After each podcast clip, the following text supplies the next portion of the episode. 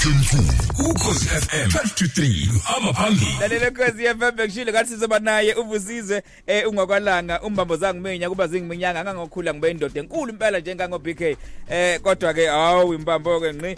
Right sinaye ke la sikhuluma naye.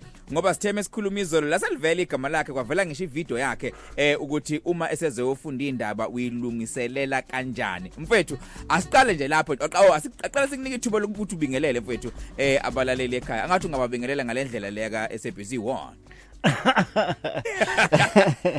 Um sanibonani uh, nginibingelele nginamukele eindabeni zesizulu lapha ku SABC1 igama lami nguvusizwe ngakalanga. Awuthi ngithi usuka kancane bese ngiba sokhozeni ngivusizwe ngakamfuka amakhulu kude izukulu weJalimani umbambo saminya ngabe wabe enkulu insizwe mfuka camisa intombi yesona mfuka sholela ngasiyobokho ethi umlomo. Ufevesele emaqandeni two sponono suka pheka umuntu omdala. Umenzani umuntu omdala?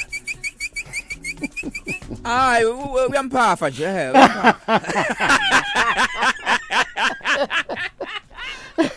hayi is a pathologist no lo muntu uyipathologist athi he madoda senaphafa Mfethu igama lakho livelile kuma video nje ade siwadlala mfethu eh kakhulukazi bekhuluma eh, siwathathela ku TikTok ikakhulukazi eh nawe wavela mfethu lapha ugqoke kahle iyembe lakho la kanokusho eh nebhluke lakho lapha kodwa mengilibuka ukuthi angithi brand hood noma ngekho sure. Kodwa kodwa PK I- Ngicela I- mfethu ungasho kanjalo yabona?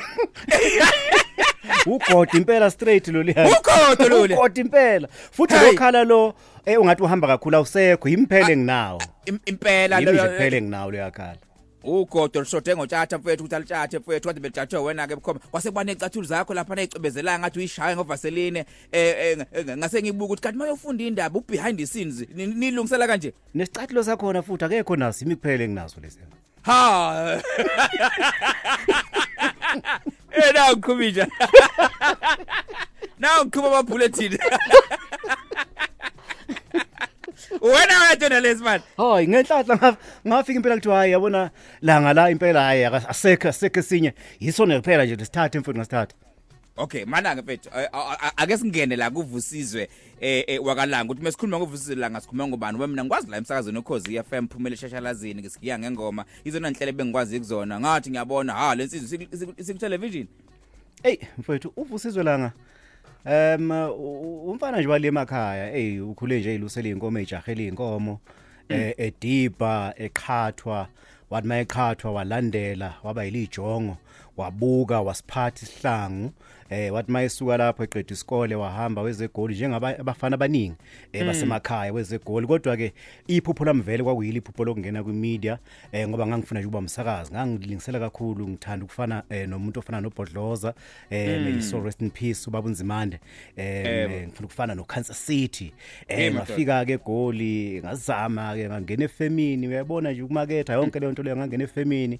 Ngawuthola umsebenzi ngihola ngeviki eh ngeviki ngathatha leyo mali leyo ngahamba ngoyifundisa ngenza ijournalism. Ngangena lapho ke endabeni yelokhunjana yemedia. Ngiyakhumbula nje istory sami engasiphala sokuqala ngiyaxolisa ukuthi ngibize eh, imagazine le ibona magazine. Kwakuse ubaba umtshali ieditor Fraser Mtshali. Ngangifakwe ubaba ngisamkhumbula igama lakhe kubani konje? Eh, waye edit istory zami. Ngiyakhumbula istory sami sokuqala engasenza. Hey bangidilize efemini mfethu hey bangidilize efemini. Hey. wabhala ukuthini ngadwa cha ngangabhalanga lutho. Futhi lo muntu lo induna yazi ukuthi hey lo muntu lo kunemshikashika wenzayo yabo. Tema ngabe sekuveze kuphuma istory seng seng seng seng seng sengithole nane certificate sami se journalism freelance journalism. Hayi bamtshena abantu bathi hayi lo mfana lona lokusebenza nawe nje uyafunda. Nasi istory sakhe indwe mfethu ngavele ngadilizwa mfethu ngaba selistini yabadilizwayo mfethu. Hey kuhlunga kanje ngidilizwa mfethu efemini mfethu. Ah but kodwa into engithandayo wadilize femini kodwa ulandela iphupho lakho ngoba le- le- le- leyo fame leyo wawudlulile nje wena wa- wa- wafihla ikhana njengomuntu mesuke nethwa imvula. Kodwa eqhubeke esahamba nendlela futhi ngoba eh emva kokuthi bekudilizile lapho hayi wangena SABC Ah ngibange ngisabheke emuva. Ah ngoba ngathi mangisuka lapho ngavele ngafocusa kakhulu impela eh kwi journalism yami eh, journalism yami ngaqala ngabhala impela ngabhalela impela na- amaphepha. Ngathi mangisuka lapho ngangena kwi um, um electronic media ngangena emsakazweni ngaqala ko Voice of Soweto ngatrainer Kenai FM ngatrainer Joseph FM eh nga- ngangena ngaba i news reader khona ngiphinde futhi ngenze nezinhlelo hawu kwathi kwathi ngelinye ilanga ngangena nako e-TV ngiyaxolisa ukubiza i- imsakazo engaphandle kodwa ke ngiyacabanga ukuthi eh, lokho ku ne national interest ngixolise kakhulu. Eh no e-TV ngangena ngenza ilo kunjani indaba zesiZulu khona. Kwaba mnandi kakhulu yazi mangaxoxela ukuthi ngangena kanjani khona mfethu. Ngafika lapha ngingenayo imali yokugibela. Eh mangifika ngithola ey sekulate kakhulu ama auditions asenziwe. Eh ngahlangana nenye insizwa laphana eMitatex mfethu yavele ngayitshena ukuthi mfethu ngiya kuma auditions laphana emsakazweni. Ngicela ukuthi ungiphe i lift mfethu yale ndoda ayikhululeka mfethu gibela sami.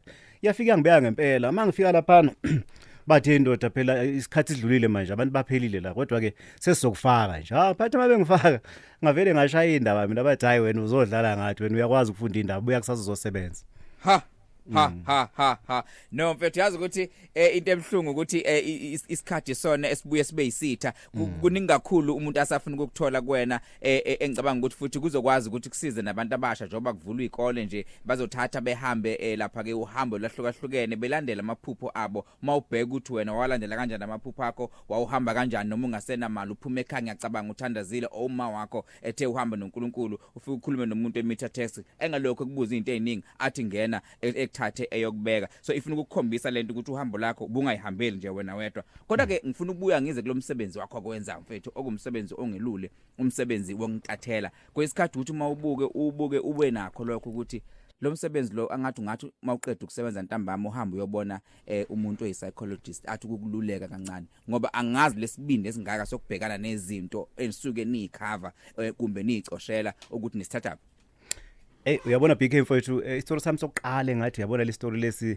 eh saba ne-impact um kwi mental um um, condition yami. Istory soku breaker kwe nga break istory se Soweto bombing.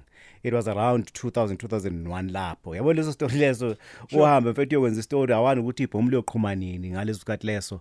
And eh, kuhamba kwahamba ngicina sengise sengise emsakazweni ukhozi ku current affairs njengoba sengiseyindabeni zezulu nje Eh, khona hey ku- kuneyindaba othi mawuthi uyasenza istory ubone ukuthi hey uyabona lesi story lesi. Kuvele kube ngathi nje ungakhala ungakhala ngiyakhumbula ngelinye ilanga. Eh kulomngane wami esasonile kakhulu naye sasebenza naye komunye emsakazo em waba involved ku car accident. Ngathi mangithi ngiyasifunda istory sakho naye mfethu ngavele ngakhala emoyeni bavele bathi hayi indoda hayi. Akumelanga ngabe usemsebenzini njengamanje. So eh, nakithi kuyadinga ukuthi mangabe senza indaba kube no- no- no- no- nokuzohlolwa ngokwengqondo ukuthi hey labantu basafanele ngempela baqhubeke nokusebenza ngalesikhathi ngalelo langa lelo. Eh ikakhulukazi futhi nangodaba lo le COVID-19 mfethu yabona i-COVID-19 hey is- is- isebenzise kabuhlungu kakhulu. Eh uyakhumbula nje uqala nje kwayo. Eh sasilo sifuna ke igama esoyibiza ngali covid-19 hey kwase kuyavela ke ndoda liyagama mfethu kwavele kwashelela ulimi mfethu uyazi Futhi ngakayazi ngakayazi ngeza kwesibuku ukuthi hey hey hey kodwa ke Ayi. umuntu ongaziyo wabona ukuthi hayi phela ulimi alinalo ithambo mfethu lwashelela ulimi ngangiqonde nje ukutize kwase kubele eh, kwavele kwavela legama lavela la phezulu endebeni zomlomo emfethu lithi gaqi igama athi Hey, inkosi yami madoda. uyabona yona ngithi hawu namhlanje ngiyaxoshwa ke namhlanje mhlawumbe wevusiza ungathini eh, ng- ngomngozi eh bomsebenzi wethu esiwenzayo ngoba nawe masuku ufunda indaba indaba ayifani eh nenhlelo ezisuke zenziwe za recordwa indaba suke zibukhoma na njengoba nathi sibukhoma la eredweni ukuthi ku- ku- kuba nzima kangakanani lokho ukuthi yonke into oyenzayo mawuyenza nje iyaphuma iyahamba yakumlaleli ekhaya. Akukho la othi khona ish ngenza iphutha bengafanele ngilisho leli gama. Hey uy- uyabona BK uh, mangabe wenza indaba kungcono mangabe usemsakazweni emsakazweni. At least uyakwazi ukuthi eh mawenza iphuthu ukuthi hayi cha ngiyaxolisa benqondo ukuthi. Uyabo? Nesikhathi asifani isikhathi senu nesethu ku TV uyabona kuthina i minute ne minute liya counter ene mawuthi uyabheka la kunomuntu okurolela eh lo mshini ababiza ngayo Tokyo lesiufundayo lo mshini lo. Uyabona mangabe urola wabheda sekunzima ke mthabuyele emumva so sekumele manje uyishaye ngengqondo ke leyo nto leyo. So um eh, kunzima kuthina ku TV ukuthi ubuyele emumva uthi hey ngiyaxolisana ngeziphuthe benqondo ukuthi? Uyabo ngoba ngalesikhathi leso umuntu uhamba nawo umuntu lapha ngamehlo nangengqondo uyangithola. Hey mfethu yakho nakuthandwe ukuthi eh, kube nzima. Eh kodwa umuntu sengafuna nokukubuza njengomuntu vele eh o- o- osebenza kakhulu ngendaba. Lo nyaka ngathi uzoba unyaka wendaba nje. Kuningi kakhulu sekwenzakalile already unyaka uqala ngiyazi usese living kodwa ngeke ukuthi awulibonanga eParliament elisha bafo eh eh eh, eh already eh lapha ke umbiko eh lapho usuphumile othinta ke eh, eh, uqhwaqwa istate istate capture phela Ya, kodwa uqhwagwa negama kwamandla lesizulu ombuso, ya. ukuqhwagwa kwamandla ombuso yebo mhlambe iziphi nje izinto ezibonayo ucanga ukuthi kulonyaka lo nizobe nibhizi ngazo noma kusazoqhubeka kwe COVID-19 Ey mfowethu uyabona udaba esingathi salibheka kakhulu kulonyaka. Eh njengoba uqala nje udaba eh, lokubuyiselwa em- ejele kwayengumengameli wezwe u- ubaba Jacob Zuma. Eh solibheka kakhulu lo daba lolo ngathi sizoba udaba nje oluyinzuka yike ngempela. Eh bese sibheka nodaba le COVID COVID-19 sisazoba nawo futhi njengoba sibheke nje eh kukwindla eh na ku- ku- nasebsikeni ey angithi uyazi m- mangabe ngena ubusika kuyabanda kumakhaza so uthi mhlambe sebezoni mhlambe ho um bani eh miswombe sesihlanu sokuhlasela kwegciwane ngenxa yamakhaza. Eh nodaba lwe vaccination drive ukugoma ukuthi kukhuthaza abantu ukuthi bagome. Yilona izona indaba engathi soyibheka kakhulu lezi. Nodaba eh lokukhethwa kobuholi eh, i-conference ye-ANC eh um la ko December eh kusa- kusazoshuba kakhulu impela nasiqeshini elibusayo mangabe sibhekisisa kahle. Ngokwendaba ke thina. Ngokwendaba mm. Okay kodwa nje January 8 eh? January 8 akithi vele iyaqala ngale weekend vele. Yeah. Statement lesi yeah. No mfethu kulungile. Eh umuntu ufuna ukubheka kodwa eh vusizo ngoba njengoba sikhuluma nawe siyakuthola ukuthi hayi um- umuntu oright umuntu mengithi ngiright ngifuna ukuthi i-character yakho umuntu oyikhulumelayo uzenzela amahlayo uyaxoxa. Kanti isikhathi esiningi mawubheka abantu abafunda indaba kwakwaziwa ngathi abantu abaserious abahlala bodwa eh baphile yabi impilo nje. Khona mhlambe wena ngoba naku sibone ne video yakho ungasho mhlambe ukuthi izinto ezifana no social media nazo ziyanisiza ukuthi eh sikwazi ukuthi sinibone ukuthi ningobani ngale nje ukuthi nibe ku screen funda indaba I- i-social media i- i- sekuyiyona impilo yethu i-social media. Ngoba mangabe ukuthi mhlawumbe ufuna ukukhangisa eh ngomsebenzi wakho eh, i-social media i-platform yakhona i- inkulu kakhulu. em eh, mhlambe into engayisho nje mina ngale ukuthi ngi- si- sifuna ukuyikhipha le idea ukuthi hey yabona amafunda indaba kumele ubhore uyabona nje kumele manje kube serious. Yebo khona indaba kumele zibe serious but eh kumele sihehe nabantu abasha abangafuni ukubuka indaba ukuthi hey eh kazi eh, uvusizwe namhlanje eh, ugqoke kanjani kazi? Eh uka- ka- kazi uzoyifunda kanjani indaba namhlanje? Yabo Le- lento yokuthi manje uthi ufunda indaba kuhlelwe phansi uthayi nje uyabona? Le lento yak stereotypes akudala nje ukuthi asifuna ukuyishintsha yonke lento ingakho mawuthi uyabheka mhlawumbe indaba zethu indaba zethu fike zibe zibe right impela zibe zibe serious zibe serious. Kodwa ekugcineni sikubambe nje ngokuthiza okuzwenza ukuthi eh masihamba usalubuza ukuthi hey lento yenzeke kanjani? Hayibo bamthathe usibufoko laba laba. Ehle kanti usibu ya, into efana leyo yabo. Eh Uyakuthola. seniphetha ngo King Nuba lana. Sisi- i- i- lokho aba- esikubiza ngama tail end ukuthi eh, u- u- umuntu eh, ku- ku- kungathi makuphela indaba eh, u- ugcina ungazi konje konje beyithini indaba namhlanje? Uyabo? Kube nento ozoyikhumbula ukuthi ya ngiyakhumbula eh ngoba kuthe mangabe qedwe ukudlala eh, iweather umkhushula no Dix laphana eh, sabona uKing Nuba sabona u- ukhuzani sabona eh, eh, ugcokama kanjalo nje yabona eh, yeah Okay ko- ko- ko- kodwa ngikhona ngifuna ukuyibheka ngoba eh izolo besinalo igcoka masikhuluma ingoma yalo waphafa gogo and then sabuka abantu ngama video na yonke into. Sase siyibone yakho le le video yayishuthwe minute kumbe ngaphambi kokuthi wena uye uye e- e- e- e- e studio uyofunda indaba mhlawumbe yona indlela wasikhombisa ngayo ukuthi uyilungiselela kanjani No, yabona hey ma before uzofunda indaba kuba hectic kakhulu. Asikho impela isikhathi kumele nje ufocus ke impela. Ah liyana sayenza nje kwaku usuku ngaphambi kaChristmas. oh Umhla ka24. Eh sengiqedile nje ukufunda indaba. Eh kanti ngangigqoke nje nogodo ngiqedile. wawugqokela ingubo zakhe isimuzi bana Oh. Ye phela Eh, PK man. siyayizwisa thina sakhula sihlupheka mfethu eh Hey. uGhokhismuzi ugqoka iuniform yesikole ethiwa nje ugreen shirt elimhlophe inyawo phansi ndoda ambo Yeah, Christmas. madoda. Eh Hey, so hey, manje hey. siyayibusisa manje ndoda phela sesiyawazi ukuthi sithole uNkulunkulu sibusile ukuthi sikwazi ukuthenga cha ibhruke leli impela angilisikile impela kade yabona leli lolu godo lolu ngifuna nje ukuludla nje nge- ngeChristmas Eve nje impela. Manje mangabe sengiqokeke lapha bathi hayi ndoda hey waqoka kahle kanje bathi hayi hey yabona mangabe sengiqedile indaba ke mina ngeke ungithole ngiserious futhi uyothi mawungena uthi awu kanti le ndoda nje ihlekisa kanje eh athi umuntu imande lapha hayi asishutha ashuthe enkabi yami. Ngithi mina senze ivideo yabo.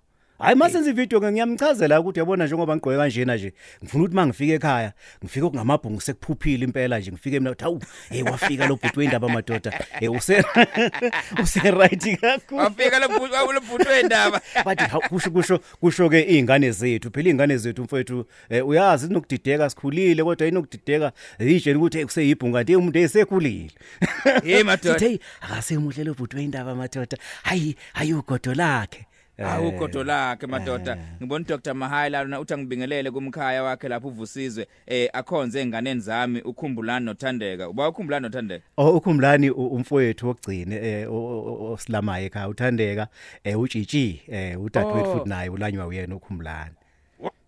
Alright mana ke mfethu ubuya nini eh Livini Emfethu emfethu ngiyabuya ngomsombuluko elivini.